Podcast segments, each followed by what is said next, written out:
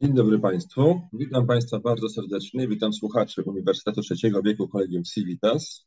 Ja się nazywam dr Bogdan Balicki, reprezentuję Uniwersytet Szczeciński, zajmuję się literaturą i innymi naukami i zostałem poproszony um, o przygotowanie dla Państwa wykładu, wystąpienia o um, związkach literatury i demokracji. Nie jest to temat oczywisty zupełnie, dlatego że zwykle łączymy literaturę raczej z przyjemnością, przygodą, emocjami, tekstem, narracją i tym, i tym, podobnego, i tym podobnymi fenomen, fenomenami. Natomiast um, kiedy na literaturę patrzymy od strony socjologicznej, ujawniają się jej um, złożone i szerokie usieciowienia społeczne. Temat ten pojawił się te wakacje zupełnie przypadkowo. Otóż, e, jak Państwo pewnie pamiętacie, w lipcu tego roku miała miejsce mm, festiwal literacki Góry Literatury, na którym znana polska pisarka i noblistka Olga Tokarczuk zapytana o, o specyfikę jej nowej powieści, odpowiedziała, że literatura nie jest dla idiotów. Literatura nie jest dla ludzi nieświadomych i niewrażliwych. Słowa te odbiły się dużym echem. Głównie oburzenia. Jak to, jak to noblistka, literatka, pisarka, przedstawicielka świata humanistyki może mówić takie rzeczy? Tymczasem mm, e, moje dociekania i moje rozmowy w mediach mm, doprowadziły mnie i moich rozmówców do innych wniosków niż tylko i wyłącznie oburzenie słowami e, poetki e, czy też pisarki. E, stąd też zrodził się taki pomysł, żeby wygłosić dla Państwa wykład o literaturze i demokracji. Skąd jest ten związek? Otóż słowa Tokarczuk były oburzające, ponieważ literaturę w naszym społeczeństwie z jakiegoś mniej lub bardziej jasnego powodu łączy się z pewnym statusem społecznym, łączy się z pewnym e, elitaryzmem. Jest to elitaryzm mocno, powiedziałbym, importowany do Polski. Nie jest to elitaryzm tego społeczeństwa, dlatego że to społeczeństwo ma elity bardzo młode, a z całą pewnością nie ma elit mieszczańskich, które literaturę wytworzyły w XVIII i XIX stuleciu, o czym za chwilę. E, literaturę w Polsce czytają dzisiaj głównie ludzie młodzi, i głównie ludzie średniego i starszego pokolenia. Mm, nie jest literatura medium klasy, powiedziałbym, ekonomicznie wysokiej. O czym łatwo się przekonać, e, kiedy udamy się na mm, pierwszy, lepszy wieczór autorski bądź podobne spotkanie. Nie spotkamy tam mm, ludzi wysiadających z Mercedesów ani z limuzyn, tylko spotkamy młodzież i spotkamy ludzi w wieku starszym bądź średnim przeciętnych, nas, po prostu, obywateli, uczestników dyskursu. Czasem istnieje jakieś dziwne wyobrażenie o tym, że literatura niesie ze sobą jakiś e, elitaryzm, jakąś dystynkcję, która jest e, kontrowersyjna, dlatego też nie wolno powiedzieć Tokarczuk o tym, że literatura nie jest dla idiotów. Oczywiście słowo idiota jest złe, jest to niedobre słowo. Z tego punktu widzenia możemy to nazwać swoistym lapsusem językowym bądź niezręcznością językową. Natomiast mm, kiedy noblistka e, użyła tego sformułowania, to w moim odczuciu trąciła pewną strunę, która e, jakby siedzi w nas głębiej niż byśmy się mogli spodziewać, przynajmniej na pierwszy rzut oka. Otóż trąciła w nas strunę pewnego niepokoju, który narasta w nas, jak sądzę, w nowoczesnym polskim społeczeństwie, e, w którym na przykład mm, do bardzo niskiego poziomu spadło czytelnictwo książek, którym tytuł magistra znaczy coraz mniej, którym studenci coraz rzadziej wybierają kierunki studiów humanistycznych oraz generalnie, w którym wykształcenie, świadomość obywatelska czy nawet szacunek dla etosu pewnej inteligencji, którą wytworzyliśmy mm, w ciężkim mozole w wieku XX. Wszystko to jest słabe, wszystko to słabne, wszystko to w jakiś sposób zanika i jesteśmy o to niespokojni. I kiedy Tokarczuk powiedziała o tym idiocie, mam takie wrażenie, ta struna właśnie zadrgała, dlatego po jej wystąpieniu wysypało się masa tekstów publicystycznych i odbyło się kilka rozmów, bardzo interesujących rozmów. Dlaczego, czy, czy literatowi wolno upominać społeczeństwo? Czy literatura jest dla wszystkich? Czy literatura nie jest dla wszystkich? Po co nam literatura? To rzeczywiście jest przestarzały instrument.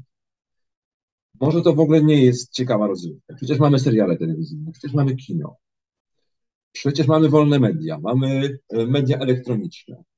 Dlaczego mamy się męczyć z książką? Dlaczego mamy się męczyć z tradycją, e, z, z niemiłym doświadczeniem dla części z nas szkoły, lekcji języka polskiego? Po co nam ten ciężar? Jakim prawem ktoś nam mówi, ktoś, kto reprezentuje świat literacki, że literatura nie jest dla idiotów? I dobrze, nie jest dla idiotów, nie będziemy jej czytać. Wyczuwamy tego typu napięcie w polskim społeczeństwie. Ono jest obecne. Stąd taka duża dyskusja. Ja natomiast, ponieważ zajmuję się socjologią literatury, czyli takim obszarem nauk humanistycznych, w którym o literaturze mówi się, pisze i myśli w kategoriach jej społecznego osadzenia. Nie tylko recepcji i odbioru, bo to była stara socjologia literatury, której zajmowano się głównie faktami z dziedziny życia literackiego. W tej nowszej socjologii my staramy się zrozumieć, na ile systemy i pola społeczne łączą się ze sobą na różne sposoby, zachowując swoją odrębność i jakie względem siebie spełniają funkcje, a akurat w tym przypadku przyglądamy się de, e, polu literatury, ale nie tylko. Pole literatury jest bowiem związane z wieloma innymi polami, o czym mm, za chwilę, ale na przykład jest bardzo mocno związane z polem mediów, jest bardzo mocno związane z polem generalnie sztuki na przykład.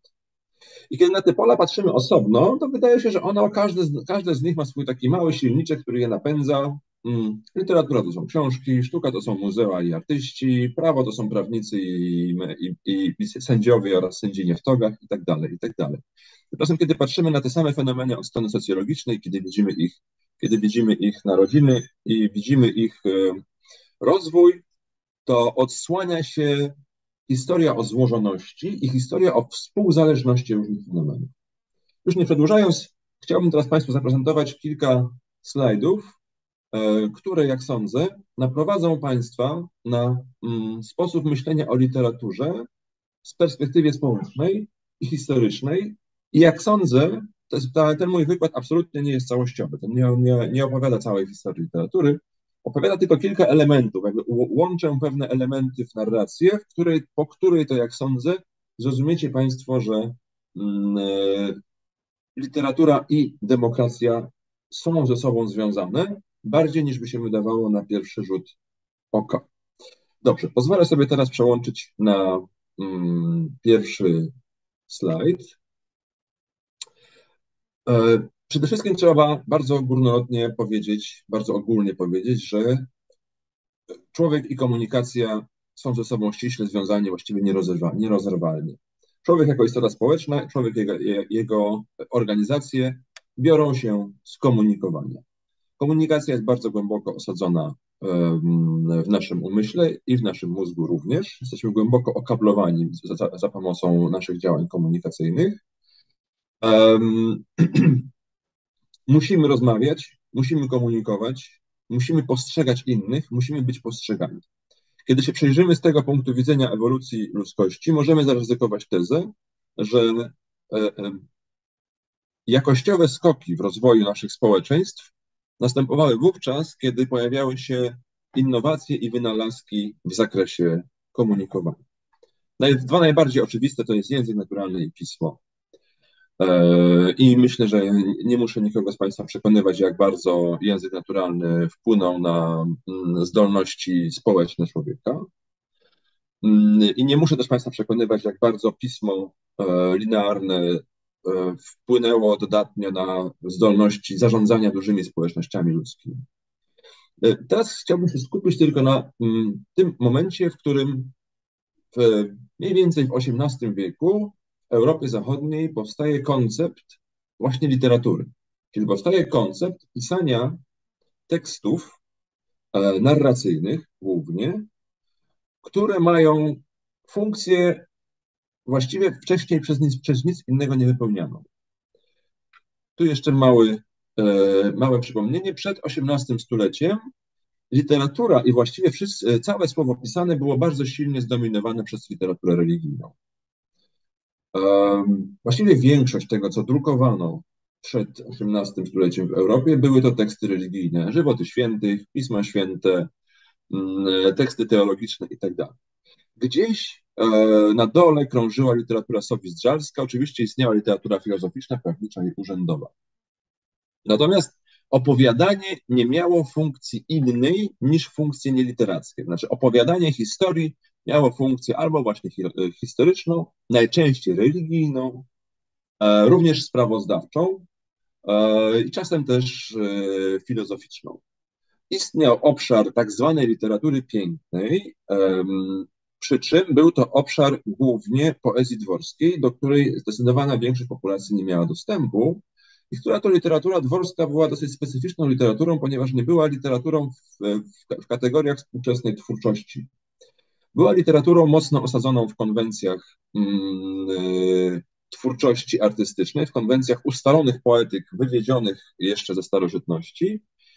I właściwie e, twórczość dworska nie stanowiła ważnego elementu życia społecznego przed XVIII stuleciem i wcześniej, i właściwie później, ponieważ ona się już właściwie później całkowicie e, skończyła. Natomiast w wieku XVIII wydarzyło się w jakimś sensie naraz kilka bardzo ważnych procesów społecznych. Otóż przede wszystkim rozpoczął się e, szybszy bądź wolniejszy upadek społeczeństwa feudalnego z rewolucją francuską jako zwieńczeniem tego procesu. Pojawia się e, e, dominująca i rosnąca rola e, warstwy mieszczańskiej, czyli warstwy zamożnych mieszczan, którzy mm, tworzą przestrzeń miasta i przestrzeń publiczną niejako od początku. Miasta, w których dzisiaj, dzisiaj mieszkamy, Warszawa, Kraków, Wrocław, Poznań, Paryż, Londyn, są to miasta i byty powstające de facto jako byty społeczne, jako, jako ośrodki życia politycznego właśnie w XVIII stuleciu. One, one oczywiście wcześniej również były bardzo istotne, ale raczej ze względów ekonomicznych i raczej ze względów pewnych usług świadczonych dla władzy królewskiej. Po wieku XVIII to, miasto, to miasta stają się centrum życia naszego świata. Jednocześnie następuje pluralizacja życia religijnego, E, dochodzi do głosu wiele odmian e, religijnych. Pojawia się ateizm jako możliwy sposób na życie, jako możliwa forma mm, no de facto manifestowania nieprzynależności religijnej, jest zupełnie nową. Oczywiście ateiści, ateiści bądź innowiercy istnieli wcześniej, natomiast dopiero w wieku XVIII można to robić bez obaw, relatywnie, bez obaw o utratę życia na przykład, bądź zdrowia, bądź innych konsekwencji. Pojawia się humanizm filozoficzny, pojawiają się nowe zawody. Mm, innymi słowy, w XVIII stuleciu w większości państw europejskich, myślę o zachodzie Europy, w rosnących aglomeracjach narasta coś, co nazwalibyśmy taką pierwotną społeczną zupą, czyli takim stanem nowych e, systemów społecznych, które się biorą z tego, że stare systemy feudalne niejako upadają, a pod wpływem siły E, nowych sił ekonomicznych i politycznych, pojawia się nowy świat i nowa rzeczywistość. E, jednocześnie gdzieś na boku pozostaje ziemiaństwo e, i to jest akurat obrazek z znanego nam ziemiaństwa na wschodzie Europy. Ziemiaństwo pozostaje, ale jako tradycja, jako tło dla tych przemian, ale nie jest istotnym elementem kulturotwórczym. Tu przykład Polski jest znakomitym, e, ciekawym e, przypadkiem, ponieważ e, Polska jako społeczeństwo, jako, mm, jako współtwórca światowego dziedzictwa literackiego, zdaje się, że mm, dołożyliśmy do literatury światowej tylko jeden gatunek literacki, jest to właśnie gawenda szlachecka, czyli gatunek wyłącznie związany ze literaturą szlachecką. To nam pokazuje, że literatura i, tam, i nowożytność rozwijała się tam, gdzie było miasto, tam, gdzie była nowa cywilizacja. Tymczasem mieszczaństwo rozwija zupełnie nowe style życia, pojawiają się nowe mody, pojawiają się nowe formy współprzebywania w przestrzeni. To jest niezwykle istotna kwestia. E, świat szlachecki, świat włościański jest światem tradycyjnym, jest światem związanym religią często ciągle jeszcze do dziś. Jest światem rep, silnej reprodukcji utrwalonych wzorców, jest też e, światem relatywnie, e, e, powiedziałbym, rzadko zasiedlonym, to znaczy na wsi i na prowincji mieszka się daleko od siebie. Natomiast miasto, które wybucha w wieku XVIII, a później XIX, niejako siłą swojego rozpędu zmusza ludzi do mieszkania blisko siebie i zarazem powoduje, że ci ludzie, chcąc wytworzyć dystynkcję społeczną, muszą wytwarzać nowe style życia i to otwiera masę procesów społecznych, które uruchamiają się i trwają często do dziś. Jednym z tych, jednym z tych wynalazków jest właśnie przestrzeń publiczna, tak? przestrzeń współczesnej kawiarni. To jest XVIII-wieczny wynalazek francuskiego, włoskiego i brytyjskiego życia społecznego, e, celebrowany w tamtych społeczeństwach do dziś. U nas oczywiście też istnieją kawiarnie, natomiast e, e, w świecie zachodnim życie społeczne i kawiarnie są o wiele bardziej ze sobą związane niż, niż ma to miejsce u nas. Dzieje się polityka w miastach. To znaczy, miasto staje się um, nie tylko w XVIII wieku staje się nie tylko przestrzenią tworzenia się życia nowej warstwy mieszczańskiej, ale miasto także, zwłaszcza po rewolucjach przemysłowych w wieku XIX, staje się rosnącym molochem w jakimś sensie. Kiedy powstaje idea fabryki, kiedy, kiedy upowszechnia się ekonomia oparta o fabrykę i o silnik parowy, miasta zaczynają znacząco powiększać swoje zasoby ludzkie poprzez jakby absorpcję ludności e, z terenów wiejskich. Co jest jednym z bardziej traumatycznych doświadczeń Europy Zachodniej w XIX wieku. E, tu mała dygresja. Jednym z, jedną z pierwszych książek socjologicznych, która powstała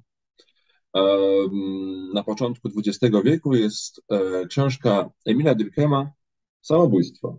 Otóż Jednym z największych problemów końca XIX i początku XX wieku społeczeństwa francuskiego była ogromna ilość samobójstw w, w, w, w przestrzeni ludności, w biednej ludności miejskiej, w proletariacie. I tam właśnie Durkheim wykazywał, że to jest koszt wyrywania ludzi z ich siedzisk wiejskich i umieszczania ich w przestrzeni miejskiej.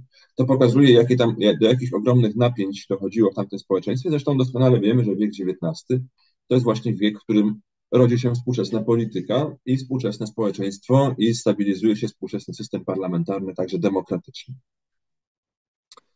E, to jakby rosnące właśnie, na, na początku rosnące, rosnąca siła mieszczaństwa, bogatego mieszczaństwa, a z czasem rosnące masy miejskie i przemiany w ramach tych obszarów, w ramach tych przestrzeni publicznych,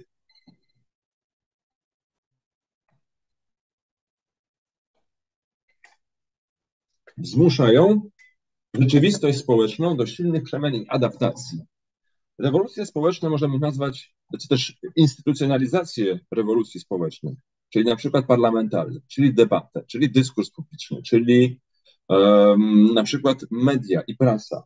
Są to wszystko społeczne adaptacje do przemian społecznych. Właściwie społeczeństwo jest zmuszone pod, pod presją silnych y, czynników ekonomicznych i gospodarczych wytworzyć silne procesy autoadaptacyjne, i e, to właśnie obserwujemy w wieku XIX. To jest salon XVIII-wieczny. Teraz e, wrócę jeszcze na chwilę do tego XVIII-wiecznego salonu. Tam się wydarzyło, oprócz tego, że było to miejsce, w którym spotykali się możni ówczesnego świata i mówili o polityce, decydowali o ekonomii, wiadomo, tam się wydarzyło coś jeszcze. Otóż tam mm, wytworzyła się przestrzeń, do wspólnego rozmawiania i definiowania na nowo człowieczeństwa. Cóż to znaczy? To znaczy, że mm, salon nielubiany z czasem, znienawidzony zwłaszcza przez proletariat XIX wieku, był źródłem pewnej innowacji społecznej, którą mm, dziś nazywamy literaturą. Otóż ówcześni mieszczanie odkryli, że to, co ich najbardziej interesuje w komunikacji między sobą, w wzajemnej obserwacji, jest intymność. Jest opis relacji intymnych, opis wrażliwości, mm, opis związków międzyludzkich. Coś, co wcześniej właściwie nie istniało w dyskursie publicznym, nagle w literaturze, w belles lettres, czyli w pięknym pisaniu bądź w pięknych listach, zyskuje swoją podmiotowość. Literatura bowiem nie zaczyna się od e, narracji przygodowych bądź też e, narracji politycznych. Literatura de facto zaczyna się od opowieści o intymności, o bliskości, o wzruszeniu, o podróży.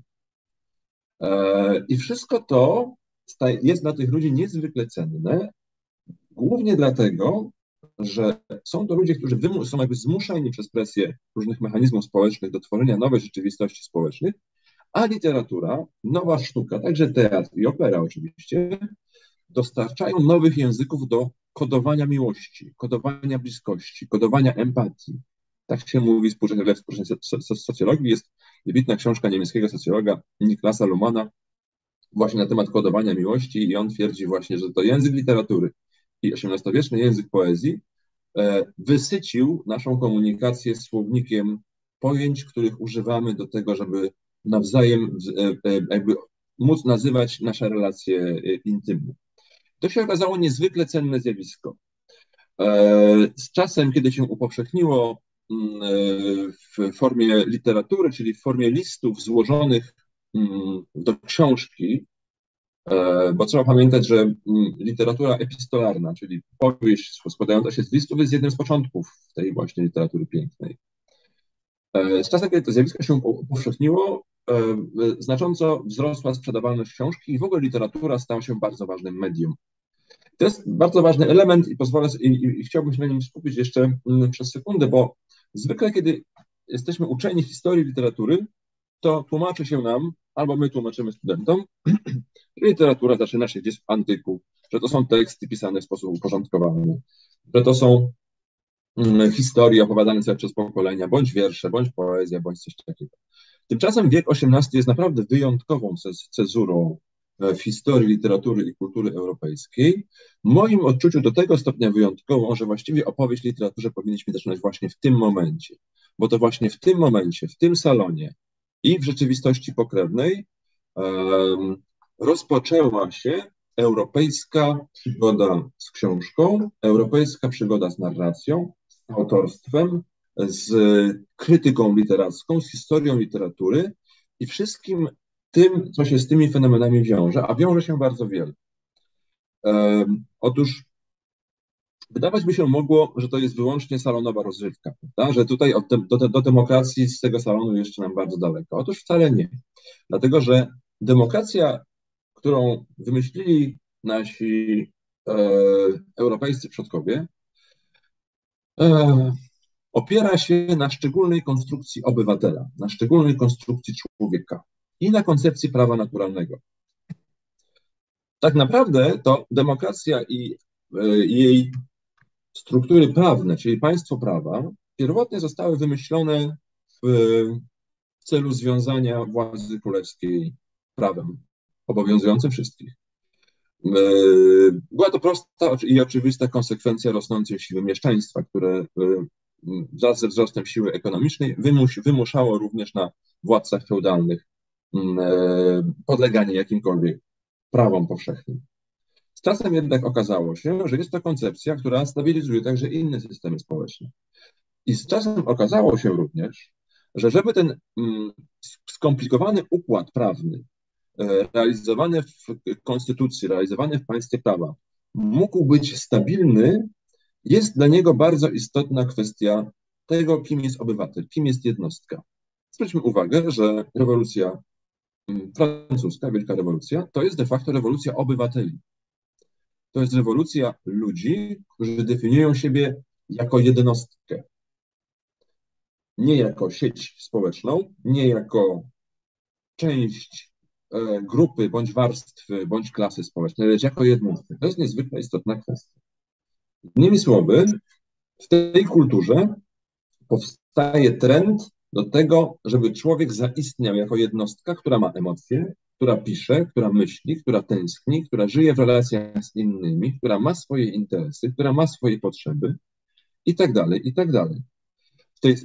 To wówczas, proszę Państwa, wynaleziono taki zupełnie oczywisty fenomen kulturowy, jakim jest dziecko. Co się wydaje dosyć zabawne, prawda? Przecież dzieci istnieją o zarania ludzkości. Otóż, owszem, istnieją, natomiast społeczny obraz dzieciństwa był możliwy dopiero wówczas, kiedy pojawiło się XVIII-wieczne mieszczaństwo wraz z jego początkowo salonową, a potem coraz szerszą wrażliwością. I tutaj znakomitym przykładem jest e, postać Jean-Jacques Rousseau, właściwie człowieka, który rozpoczął europejską dyskusję o edukacji. Tak? Jest e, autorem między innymi książki Emil, czyli traktatu o wychowaniu oraz także autorem traktatu umowy społecznej. E, życiorys Jean-Jacques Rousseau był życiorysem e, typowego przedstawiciela średnich, e, średniego mieszczaństwa europejskiego. Był zresztą człowiekiem dosyć nieszczęśliwym, potem wygrzebano mu z życiorysów różne brzydkie rzeczy. Tym niemniej, jako mieszczanin, jako twórca tej warstwy, to on między innymi rozpoczął dyskusję o tym, że człowiek jest sam w sobie godny uwagi, że dziecko jest godne uwagi. To jest niezwykle istotna kwestia. Zwróćcie, zwróćmy też uwagę, że jego książka, czyli Emil, w 1762 roku trafia na indeks ksiąg zakazanych. Dlaczego tam trafia? Ano dlatego, że ten z pozoru niewinny koncept, jakim jest zwracanie uwagi na jednostkę, zwracanie uwagi na indywidualne, emocjonalne potrzeby jednostek ludzkich, poszerzanie tego konceptu na coraz szersze warstwy społeczne stoi w oczywistym konflikcie, świadomie bądź nie, um, uświadamiany przez aktorów społecznych bądź nawet nie, stoi w oczywistym konflikcie z tradycyjnym feudalizmem, w którym religia i religijność odgrywa niezwykle istotną rolę, ponieważ to właśnie religia i religijność do tej pory definiowały jednostkę społecznie. Definiowały ją na określonej drabinie bytów, właściwie zupełnie ignorując jej potrzeby emocjonalne i potrzeby, i potrzeby ekspresji siebie. Tego właściwie nie ma w religii. Jest w stanie bardzo szczątkowym. Religia dopuszcza e, identyfikowanie się na przykład z, życie, z, z życiem świętym. Oczywiście współczesne religie są już o wiele bardziej cywilizowane i zawierają w sobie zupełnie inne treści i możliwości ekspresji, także indywidualnej. Natomiast z całą pewnością XVI-wieczny i XVII-wieczny kontekst e, silnego katolicyzmu i chrześcijaństwa europejskiego nie dopuszczał do siebie jednostki jako podmiotu e, koncentrującego na siebie uwagę opinii publicznej. Był tutaj bardzo duży spór. I to właśnie mieszczańska XVIII-wieczna wrażliwość otwierała, niejako wkładała, jak to się mówi, śrubokręt e, pod dekielek i podważała całą tą, tą ociężałą feudalną chmurę różnych e, uprzedzeń odnośnie tego, czym człowiek jest, jaka jest jego funkcja w świecie, czy może liczyć na zmianę, czy może walczyć o siebie, czy może stanowić o sobie. To jest też niezwykle istotna kwestia. Tak? Prawo i koncepcja obywatela mówi nam, że możemy stanowić o sobie, ale kto może o sobie, może o sobie stanowić? Ten, kto chce o sobie stanowić. Jest to jakby ta konstrukcja prawna, samostanowienia, określenia swoich własnych praw wymaga de facto podłoża społecznego i to ono właśnie zaczęło się rodzić w, w XVIII wieku, między innymi w przestrzeni, która była ukształtowana przez nową wrażliwość społeczną i w tej wrażliwości społecznej niezwykle istotną kwestię odgrywała właśnie literatura. Literatura wydawałoby się bardzo daleka od zainteresowania demokracją. E, to jest przykład, e, e, przykład powieści, typowej powieści XVIII-wiecznej, bardzo znanej zresztą powszechnie i to jest klasyk obecny w wielu kanonach literackich. Ja szczerze mówiąc, kiedy, mm, kiedy chyba pierwszy raz uczono mnie o oświeceniu w tamtej epoce, zawsze się zastanawiałem, skąd się bierze ten dziwny rozdźwięk, że jednocześnie oświecenie jest takim fascynującym mm, okresem w dziejach ludzkości, w którym pojawia się nauka, naukowość, pojawiają się nowe odkrycia, pojawia się uniwersytet, pojawia się nowa filozofia. Tymczasem w literaturze tam się dzieją jakieś takie niepoważne rzeczy z, z mojego męskiego punktu widzenia, chłopackiego punktu widzenia wydawało mi się to w ogóle nieistotne. Powieści o sentymentach, co to w ogóle kogo obchodzi, jaki to ma wszystkie z tym związek. Okazuje się, że ma, jeżeli spojrzymy na to z perspektywy nieco szerszej. Otóż te sentymentalne opowieści o podróżowaniu, o miłostkach, o doświadczaniu siebie, o doświadczeniu innych, o tęsknocie, które z czasem przechodzą w literaturę romantyczną, która jeszcze pogłębia te emocje, poszerza tą paletę tych emocji, także o, mm, e, o zwiększone niepokoje społeczne związane z e, rozwojem społeczeństw. Ta literatura właśnie staje się tym społecznym obszarem debaty na temat tej jednostki, która stwarza nowe społeczeństwo. Lorenz Stern w swojej podróży sentymentalnej nie musi się nawet zająknąć o tym, że w jego, in, że w jego interesie jego klasy społecznej jest stworzenie nowego ustroju społecznego, nowej demokracji, nowego społeczeństwa. On tego w ogóle nie musi pisać. To wynika e, z koncepcji jego twórczości. To wynika z koncepcji tej literatury. Bo w tej literaturze najważniejsze są emocje jednostki autora, który opisywał swoje przygody, fikcyjne bądź, bądź prawdziwe, e, ale także czytelnika, który je czyta. Ponieważ w tym momencie w, tej literaturze XVIII i XIX-wiecznej pojawiają się emocje i doświadczenia tych czytelników, którzy żyją tym samym życiem, którym, którym żyją ich autorzy. To jest innowacja. Wcześniej, kiedy czytelnicy właściwie mieli dostępne jedynie żywoty świętych, czytali o historiach, które przeżył ktoś zupełnie inny w zupełnie innych czasach. Tymczasem tutaj mamy niejako doświadczeniem rzeczywistości, mamy z, do czynienia z nobilitacją życia tu i teraz poprzez literaturę. To też trzeba pamiętać, że tekst drukowany, książka drukowana, czytana przez ludzi e, e, wykształconych, miała w, w, 300 lat temu nieco inny status niż ma dziś. Otóż to było ciągle jeszcze dobro dosyć rzadkie. Więc jeżeli drukiem i w książce pojawiały się przygody i opowieści o indywidualnych wzruszeniach i doświadczeniach intymnych, to tym samym intymność i tego typu i, i, ten obszar społeczny zyskiwał, dostępował ogromnej nobilitacji społecznej do, do um, powiedzmy do poziomu dyskursu publicznego. Następuje erupcja życia społecznego i życia kulturalnego. I tu jest przykład na tym slajdzie, e, który pokazuje wzrost książek, które określono w, e, jako fikcyjne, fikcjonalne. To za chwilę jeszcze słowo o, o tym, czym jest ta fikcja. E, zwróćcie Państwo uwagę, że dokładnie na początku XVIII stulecia rozpoczyna się gwałtowny wzrost sprzedaży i produkcji książek. Spada i maleje produkcja książek religijnych, rośnie gwałtownie, to jest akurat przypadek rynku e, Wielkiej Brytanii, rośnie gwałtownie liczba, e, produkcja i sprzedaż książek charakteryzowanych jako fikcja. Teraz jeszcze słowo o tej fikcji, ponieważ mm, mówiąc szybko o fikcji tekście fikcyjnym, moglibyśmy sądzić, że główną jest, zaletą tekstu fikcyjnego jest to, że e, mówi on rzeczy nieprawdziwe. I zresztą to jest długi i stary spór w literaturoznawstwie o tym, czy to jest prawda, czy to jest nieprawda, co mówią pisarze spór nierozstrzygany, dlatego że to w ogóle nie chodzi, nie, nie chodzi w ogóle o opozycję prawna, nieprawda. Tu raczej chodzi o prawdopodobieństwo i możliwość.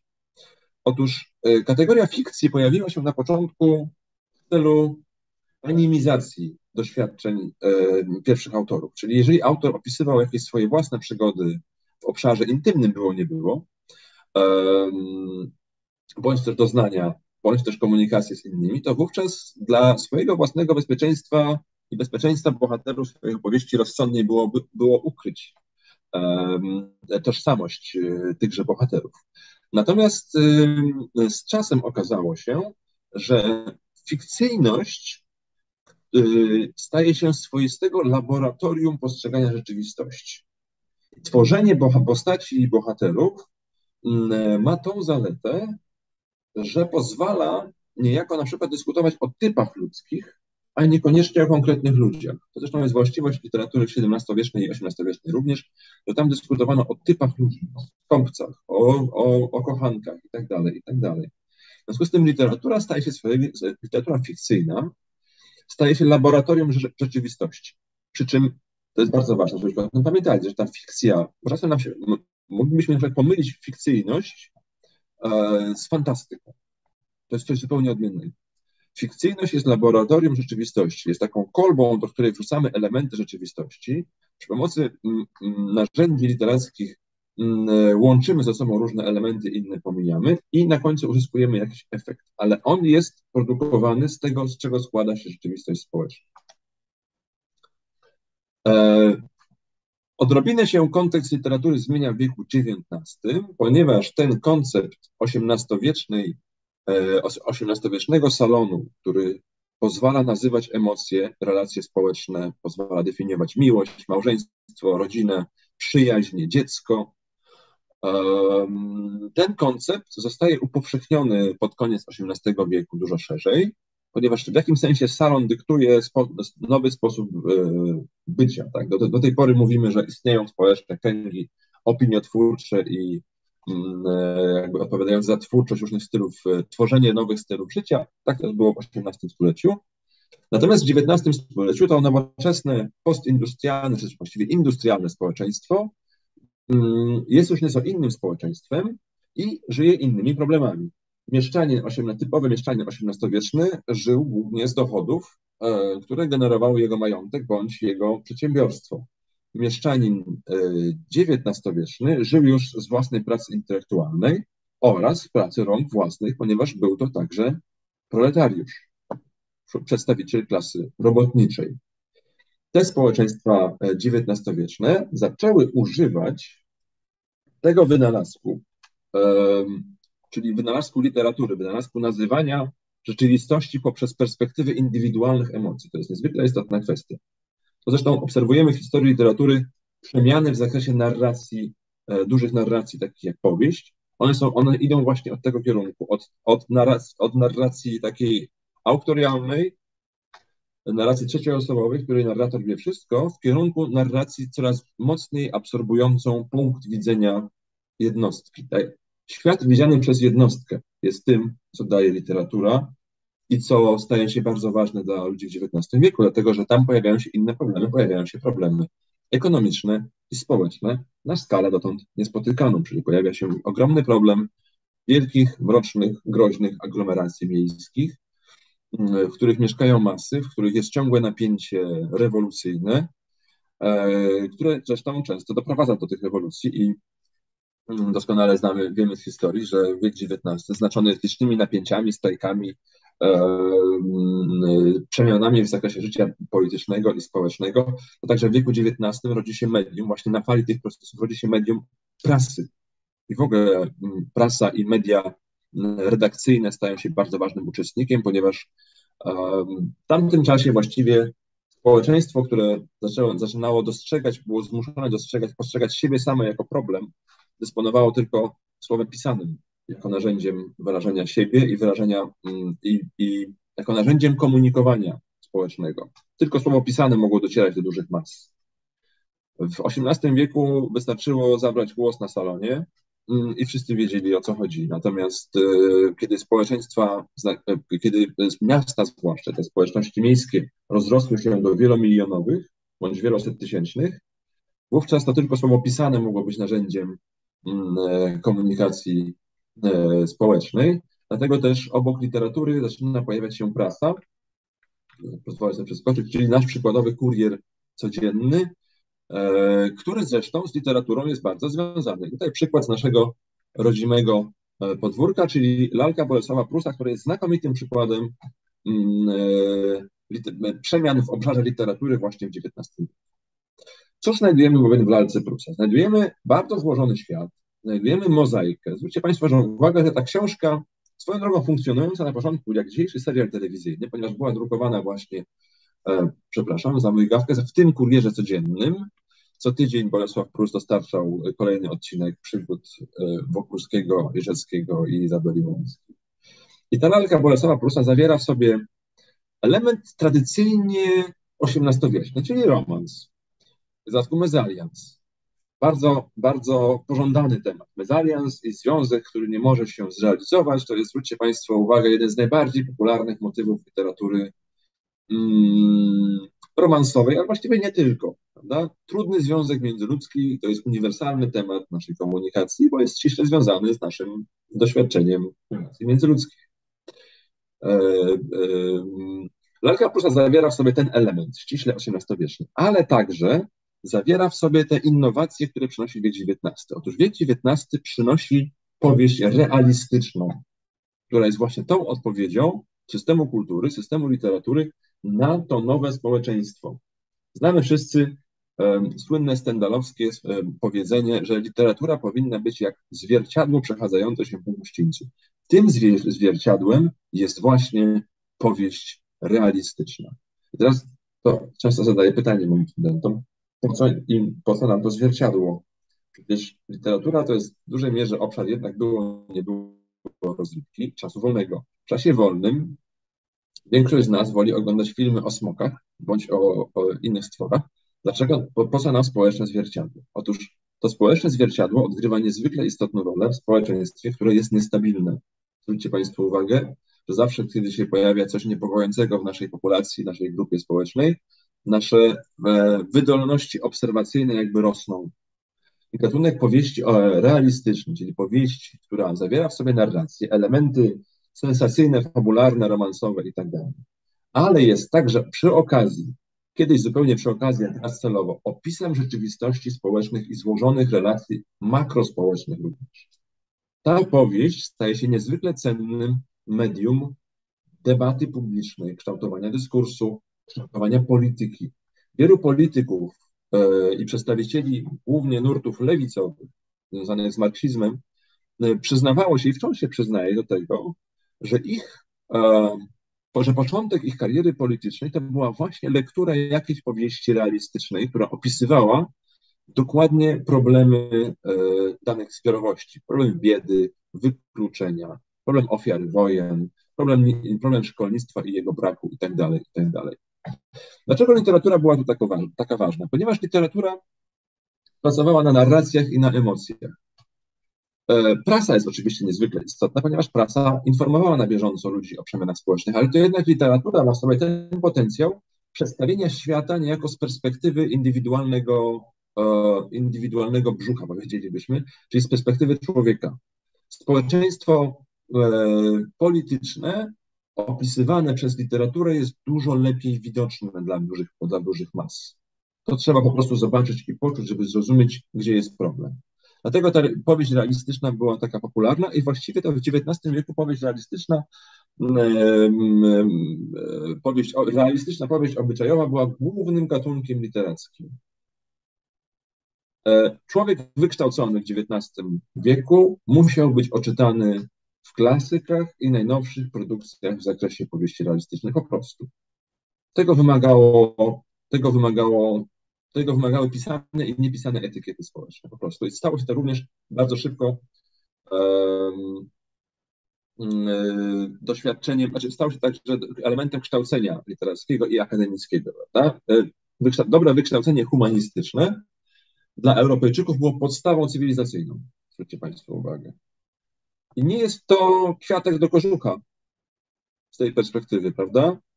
To znaczy, gdybyśmy byli historykami i powiedzielibyśmy, zajmowali się historią polityczną i powiedzielibyśmy, że no, mm, Brytyjczycy na przykład bronili swojego stylu życia. Tymczasem w tym, tym stylu życia, czyli w tym e, mieszczańskim stylu, sposobie bycia kulturalnego, w którym to w życiu istniała również literatura, tym stylu bycia zawierał się jeden, jeden z fundamentów właśnie demokracji i ustroju politycznego, czyli ja, moje doświadczenie, mój pogląd, moi bohaterowie.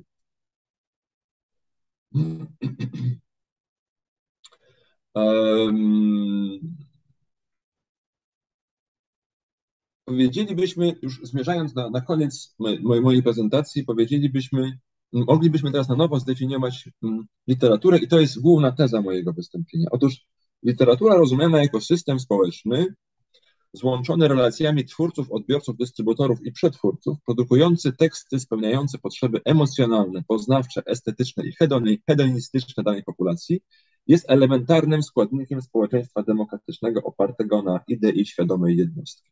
Wybaczcie mi Państwo, to jest przydługie zdanie, zostawię je teraz na ekranie, żebyście Państwo mogli je sobie odczytać, ale jestem głęboko przekonany co do słuszności tej tezy.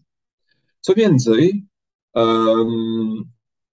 sądzę, że to ona wybrzmiała, e, może nieuświadomiona, ale to właśnie ten problem wybrzmiał, kiedy um, Olga Tokarczuk powiedziała, że literatura nie jest dla idiotów. Z tym prawdopodobnie również wiąże się inny problem, który mamy ze współczesnym społeczeństwem, czyli na przykład problem ze stanem współczesnej debaty publicznej, ze stanem współczesnej demokracji. Jak Państwo wiecie, e, istnieje Międzynarodowy Indeks Wolności Mediów i Polska po 2015 roku spadła z 18 na miejsce 60. To znaczy, że dzieje się coś niedobrego w polskiej przestrzeni publicznej, um, ubywa w niej mechanizmów zabezpieczających prawa jednostki. I nie do końca jest jasne, dlaczego tak się dzieje. Oczywiście jest bardzo wiele poglądów. Niektórzy na przykład obwiniają określoną partię rządzącą bądź, e, e, bądź tę bądź inną. Tymczasem mnie się osobiście wydaje, że problem jest bardziej złożony. Otóż polskie społeczeństwo znacząco różni się od społeczeństw e, zachodnich, czyli społeczeństw, które mm, wymyśliły ten nowy mieszczański sposób życia, z którego to nowego mieszczańskiego sposobu życia wyłoniła się nowa jednostka i ta nowa jednostka, obywatel, członek społeczeństwa, staje się podstawą ustroju, nowego ustroju politycznego. Otóż tamto społeczeństwo zachodnie e, żyło i rozkwitło nieco wcześniej, właściwie znacznie wcześniej niż nasze społeczeństwo, a w zasadzie to nasze społeczeństwo rozwijało się na, pery, na peryferiach tamtego rozwoju. Kiedy w XVIII wieku przeciętny mieszczanin francuski bądź e, brytyjski um, przeżywał doświadczenia miłości, doświadczenia bliskości, angażował się w życie społeczne swojej wspólnoty, E, wówczas Polska właściwie znikała z mapy politycznej Europy, zwróćcie Państwo uwagę. Przy czym e, było to państwo, właściwie zbiór gospodarstw rolnych zarządzanych przez szlachtę przywiązaną e, do przywilejów szlacheckich jak żadna inna grupa społeczna w Europie, tak naprawdę. Polski chłop, czyli ten, który był źródłem de facto wszelkiego majątku narodowego, Mm, e, był jednym z najgorzej traktowanych chłopów w całej Europie. Co prawda Mickiewicz napisał, że chciałby, żeby jego pisanie trafiło pod strzechy. Tym niemniej jednak Mickiewicz i polska inteligencja w wieku XIX było to, byli to przedstawiciele podupadającej, biednącej, słabnącej szlachty. Właściwie do końca XIX wieku, jeszcze na początku XX. Tamto szlacheckie społeczeństwo nie udźwignęło politycznie Polski w tamtym czasie, E, nie udźwignęło społeczeństwa i nie rozumiało go, ponieważ nie wywodziło się z mieszczaństwa. To mieszczaństwo było, zwróćcie Państwo uwagę, wciąż jest źródłem innowacji społecznej, a miast w Polsce mieliśmy jak na lekarstwo, właściwie w polskich miastach do końca XIX wieku, do 1918 roku niemalże, w polskich miastach mówiono e, właściwie obcych językach, tam nie istniała polska kultura. Albo istniała, istniała szczątkowo. Polskie miasta i polska kultura mieszczańska rodzi się dopiero w, to jest gruba kreska, ale dopiero po 1945 roku tak naprawdę, kiedy my na nowo definiujemy społeczeństwo i budujemy je niejako na zrębach mm, e, pozostałości z przedwojnia i budujemy je za pomocą społeczeństwa, uwaga, chłopskiego. Czyli my jesteśmy w większości, większość z nas wywodzi się ze wsi bądź z małych miasteczek i nasi przodkowie zostali niejako przesiedleni do miast, wstawieni i, i e, wstawieni i jakby e, skonfrontowani z rzeczywistością społeczną. I polskie społeczeństwo jest pod tym względem społeczeństwem bardzo świeżym, ciągle jeszcze nowym i ciągle jeszcze, jeszcze niestabilnym w różnych e, mm, instytucjonalizacja życia społecznego. Ustrój demokratyczny, który myśmy bardzo ochoczo i pilnie i z wielkim nakładem, i powinniśmy być się dumni tak naprawdę, który myśmy e, wstawili w Polsce po 1989 roku, w całości zaczerpnęliśmy z państw zachodnich. Polska konstytucja na przykład jest w dużej mierze wzorowana e, na, na niemieckiej konstytucji bońskiej z tuż okresu powojennego. E, polskie, polska literatura, kultura i sztuka jest bardzo mocno zapożyczona i bardzo mocno osadzona w kontekście ogólnoeuropejskim i ogólnoświatowym. My od zawsze staraliśmy się realizować wzorce społeczne, które absorbowaliśmy ze świata zachodniego i tak jest do dziś. Ciągle do dziś bardzo wiele, znacząca część rynku książki, e, e, książki w Polsce, to jest chyba więcej niż połowa, to są utwory tłumaczone z języków obcych, zwróćcie Państwo uwagę. I nie ma w tym absolutnie nic złego, to w takiej rzeczywistości się znaleźliśmy i musimy sobie radzić. Czym się różni nasze podejście do społeczeństwa i, e, e, i do demokracji od zachodniego? Otóż w społeczeństwach zachodnich ta demokracja po prostu się narodziła. Ona jest jakby bytem emergentnym. Ona wyemergowała, mm, wykształciła się w tamtym społeczeństwie i stamtąd pochodzi i tam jest nieustannie reprodukowana. U nas ten proces wyglądał troszkę inaczej. Oczywiście myśmy również wykonali ogromny trud demokratyczny i instytucjonalny, tym niemniej e, znaczną część innowacji w tym zakresie myśmy importowali z Zachodu, łącznie z wyobrażeniem na temat kultury i literatury. E, tu już tylko krótko. Myśmy na przykład w, pro, uczymy się czytać i uczyliśmy się czytać i kształtować nasz gust literacki za pomocą pruskiej koncepcji szkoły. I to jest jedno z większych nieszczęść w polskiej kulturze, ponieważ jeżeli Państwo zapytacie mm, e, osoby w moim wieku, starsze, e, o to i, i starsze, o to, jakie są doświadczenia ich e, szkolne, to bardzo często, nie mówię, że wyłącznie, ale bardzo często są doświadczenia traumatyczne, ponieważ mm, polska szkoła wzorowana na, na pruskiej szkole, na mm, pruskich koszarach, prawdopodobnie kształtowała złe nawyki kulturowe i literackie. Niejako przymuszała społeczeństwo do kultury, którą e, programowo powinniśmy byli wpajać sobie i, e, i naszym dzieciom. To oczywiście był taki program społeczny, jaki był wówczas możliwy. Problem jest tylko taki, że ta literatura, która na Zachodzie była i jest e, elementem kształtowania społecznej wrażliwości, zrodziła się sama z siebie i ze swoich naturalnych potrzeb z potrzeb określonej warstwy społecznej. I ta sama literatura tłoczona za pomocą lekcji języka polskiego, co do, do, doczekało się licznych karykatur literackich, jak choćby, jak choćby Ferdydurkę Gombrowicza, ta sama literatura tłoczona za pomocą lekcji języka polskiego traci swój walor. I prawdopodobnie nie tylko literatura. E, być może w ogóle e, mm, szkoła w tym pruskim dyru zrobiła społeczeństwu polskiemu bardzo dużą krzywdę, dlatego że obywatel i jednostka to jest coś, co jest naturalną wartością każdego społeczeństwa demokratycznego. Natomiast jeżeli my obywatelu i jednostce nauczamy w sposób przymusowy i w sposób, e, powiedzielibyśmy, niemalże wojskowy, e, jak w starej polskiej szkole, to to jest sprzeczność po prostu. To jest ta sprzeczność, ta sama sprzeczność, która się zawiera w słynnym dialogu z Ferdydurkę Gombrowicza.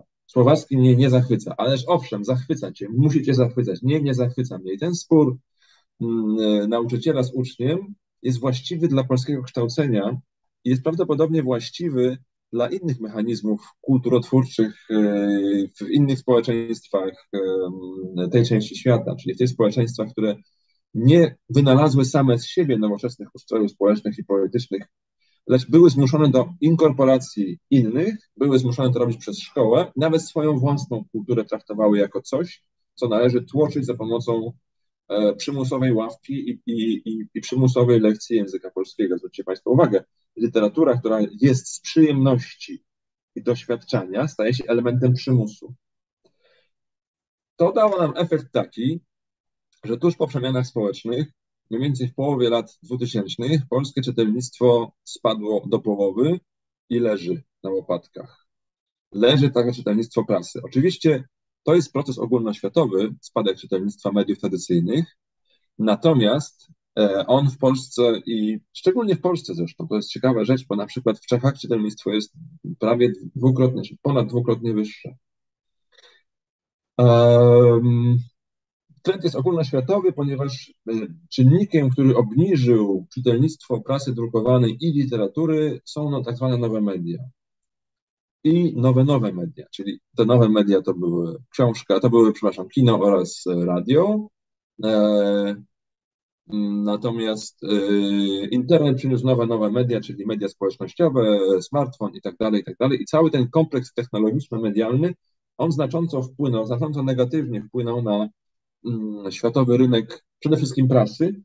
Bardzo mocno oberwała prasa właśnie po wprowadzeniu, po upowszechnieniu się mm, społeczeństwa sieciowego, internetowego, ale również zaszkodził przestrzeniom literackim, chociaż nie wszędzie i nierówno. Ponieważ e, jakby internet zadziałał na wszystkich w sposób równy, on się w ciągu paru lat pojawił i po prostu jest. I wchodzi bardzo gwałtownie, bardzo szybko się zmienia i bardzo szybko jakby podporządkowuje nas swoim potrzebom, jeżeli byśmy zaryzykowali tezę, że internet ma jakąś podmiotowość.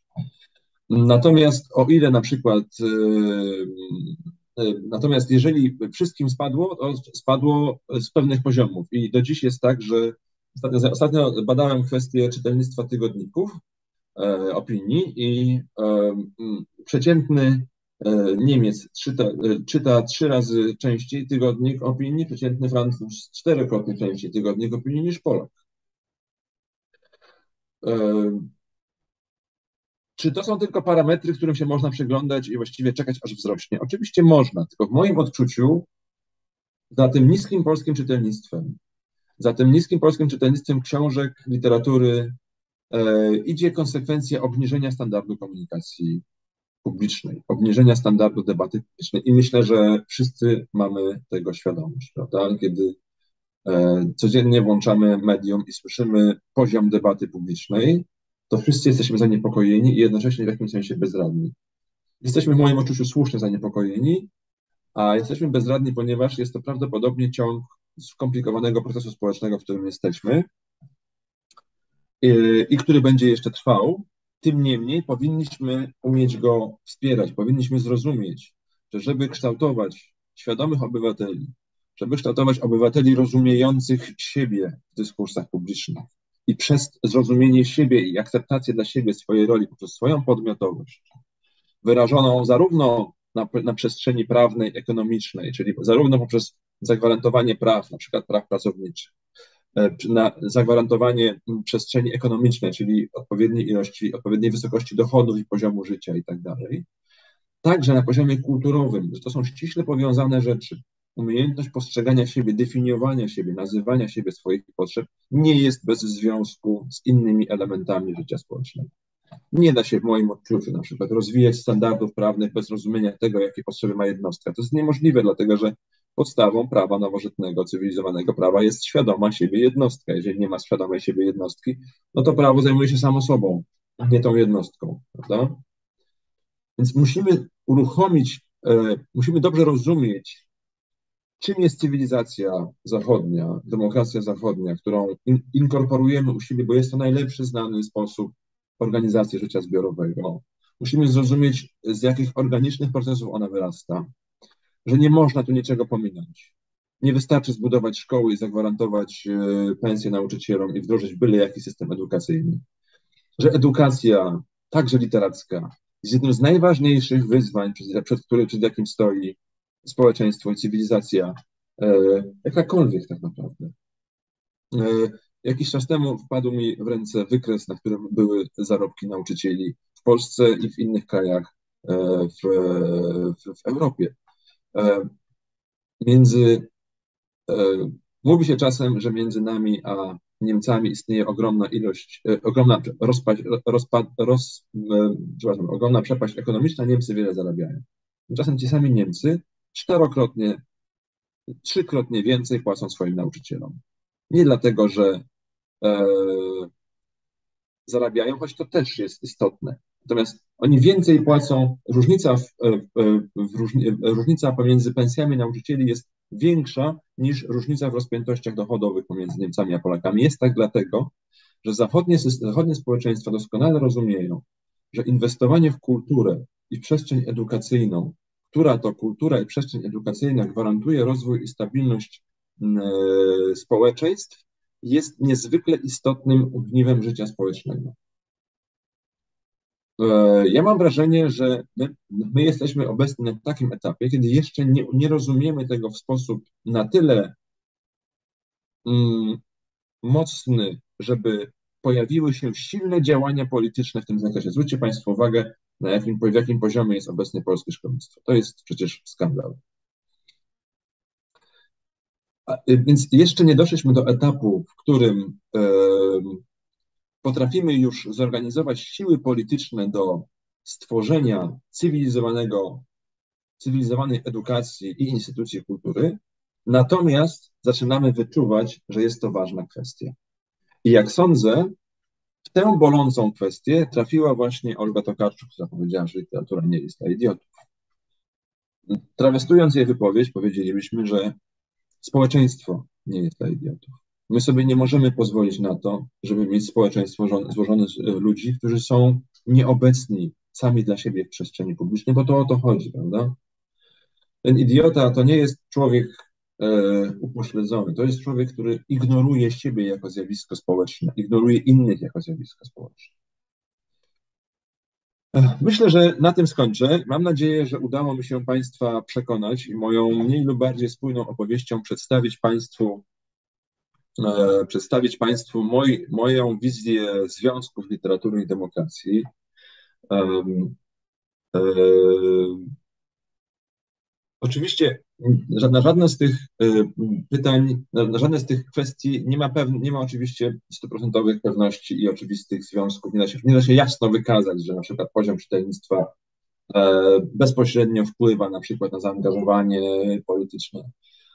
Dlatego się nie da tego wykazać, ponieważ są to elementy powiązane ze sobą niejako systemowo. To znaczy, mamy w społeczeństwach system kultury, system polityki, system e, mediów na przykład, i e, one żyją dobrze, rozwijają się dobrze. Na przykład jesteśmy, jest dobrze, generujemy dobrej jakości życie polityczne, jeżeli gdzieś obok wzrasta i również żyje kultura, media i inne zjawiska społeczne. One są po prostu współobecne i muszą być współobecne. Innymi słowy, nowoczesne społeczeństwo jest jak taki, jest jak kolonia pieczarek, takich systemów społecznych, połączonych ze sobą, zachowujących pewną odrębność, ale ważnych dla siebie całościowo. Mamy w tej chwili społeczeństwo mocno zmieszane nowymi mediami i różnego rodzaju nowinkami technologicznymi. One za chwilę przejdą i za, za chwilę się ucywilizują. Dlatego, że w moim odczuciu pewnych rzeczy nie da się oszukać. Jeżeli chcemy mieć wykształconych obywateli, to oni muszą umieć myśleć, muszą umieć pisać, muszą umieć czytać, muszą mieć narzędzia do ekspresji siebie. I uważam, że literatura jest tu po prostu ważnym, była, z całą pewnością była, w moim odczuciu wciąż będzie ważnym elementem życia społecznego. Literatura jako społeczny czujnik wrażliwości i odpowiedzialności. Już kończę. E, czytam pytanie. Jestem teraz, widzę e, czat od Państwa i widzę pytania. Czytam pierwsze pytanie. W kontekście Pana wypowiedzi o szkole, mediach, czytelnictwie, czy widzi Pan jeszcze ciągle perspektywy przetrwania rozwoju elit w Polsce? Widzicie Państwo, zwróćcie Państwo uwagę, że z tymi elitami, z tym, mówię teraz o, o samym tym słowie, mamy dokładnie ten sam problem, który mamy z tym idiotą. Czy wolno być idiotą, czy nie wolno być idiotą? Czy wolno być elitą i co to znaczy być elitą? Dyskurs wokół elit w Polsce nabrzmiał do jakiegoś dziwacznego, karkołomnego potworka, ponieważ większość aktywnych ruchów politycznych chce być antyelitarna. Prawdopodobnie, nie chcę wchodzić w tę dyskusję polityczną, ale proszę Państwa, elita jest, elita, elitarność ma różne wymiary ale w jakimś sensie jest e, nieusuwalna. To znaczy, zawsze będziemy mieli zróżnicowany dostęp do różnych zasobów. Zawsze będziemy mieli bogatni, bardziej zamożnych i e, mniej zamożnych. Zawsze będziemy mieli lepiej i gorzej wykształconych. Zawsze będziemy mieli w przypadku życia politycznego mniej i bardziej zaangażowanych. Problem jest tylko taki, w jaki sposób my będziemy te elity kształtować. Czy będą to elity wykluczające, zamykające na siebie samych, zamykające siebie same, to co jest bardzo niebezpieczne, to jest jedno z głównych zagrożeń życia politycznego, prawda, że elity polityczne zaczną się zajmować same sobą i odetną się od społeczeństwa, to na ogół prowadzi do, do, do bardzo przykrych konsekwencji społecznych.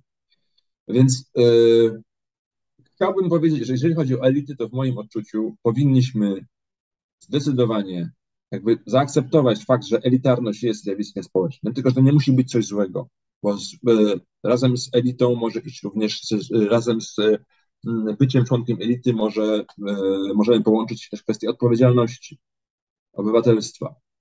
I jesteśmy w stanie to robić. Próbujemy to zrobić, tylko wychodzi nam to z różnym skutkiem.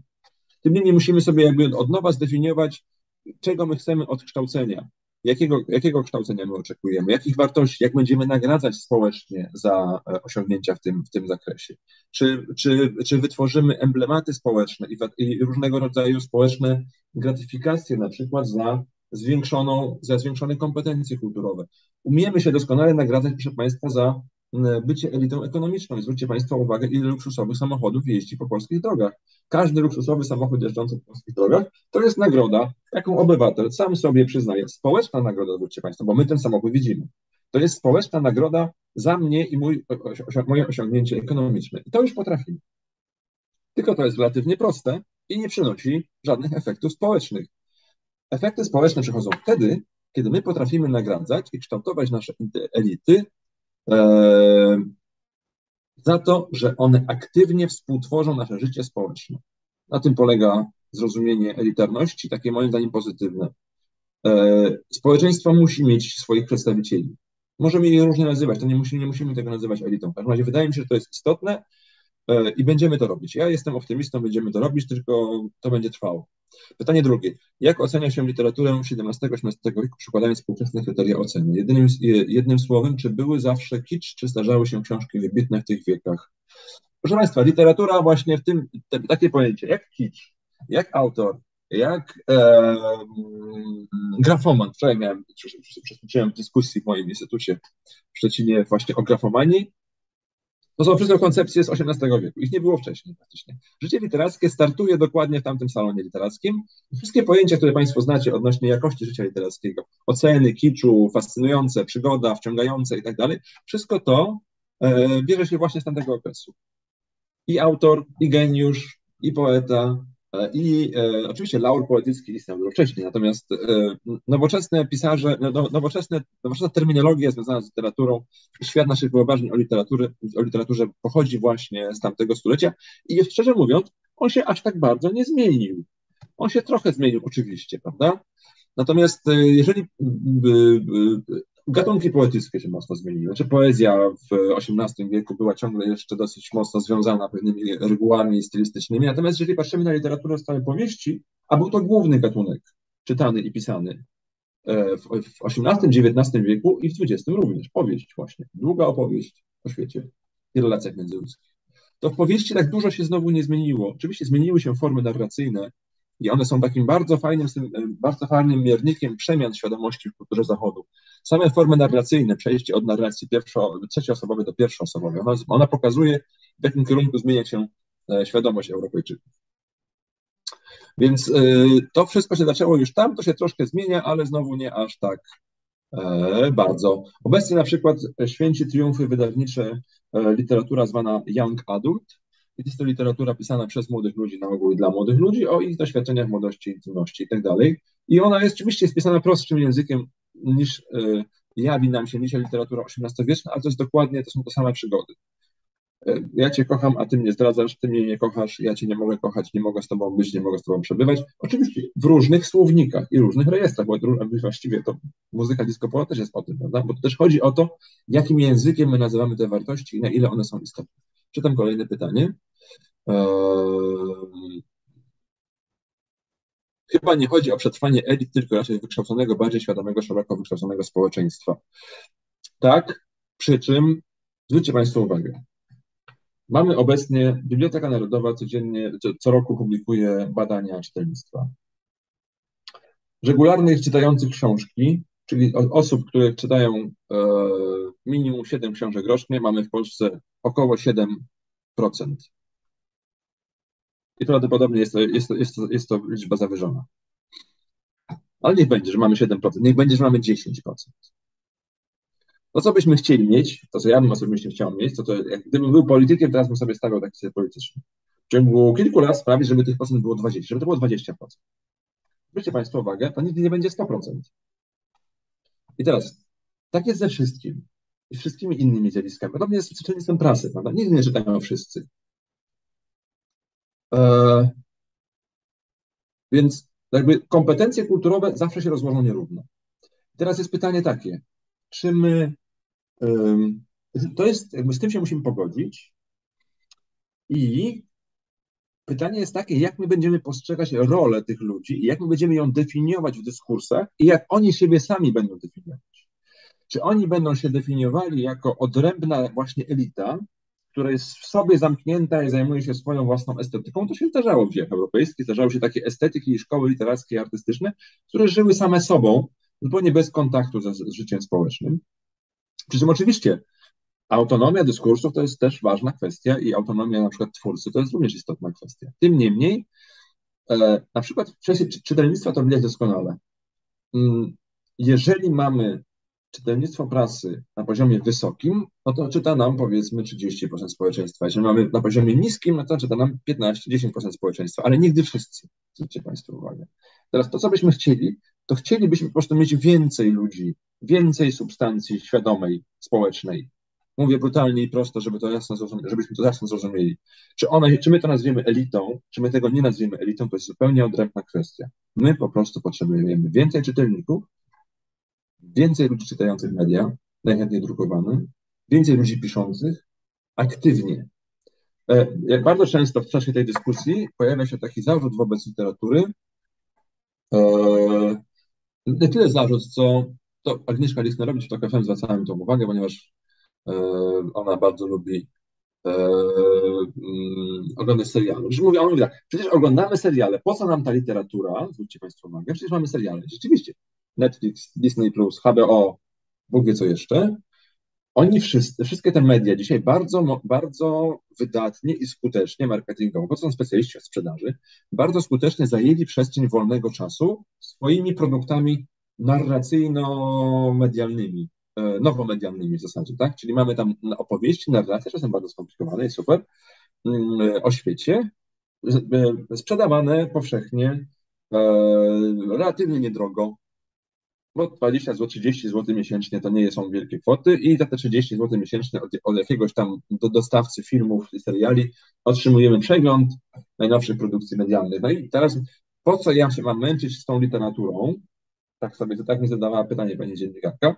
Po co mamy, jak, jak sądzę, rozumiejąc potrzeby społeczne, to nie była tylko jej intencja, po co ja się mam męczyć z tym y, książką i z tą prozą i się zmuszać, e, jeżeli tego nie lubię, skoro mamy Netflixa.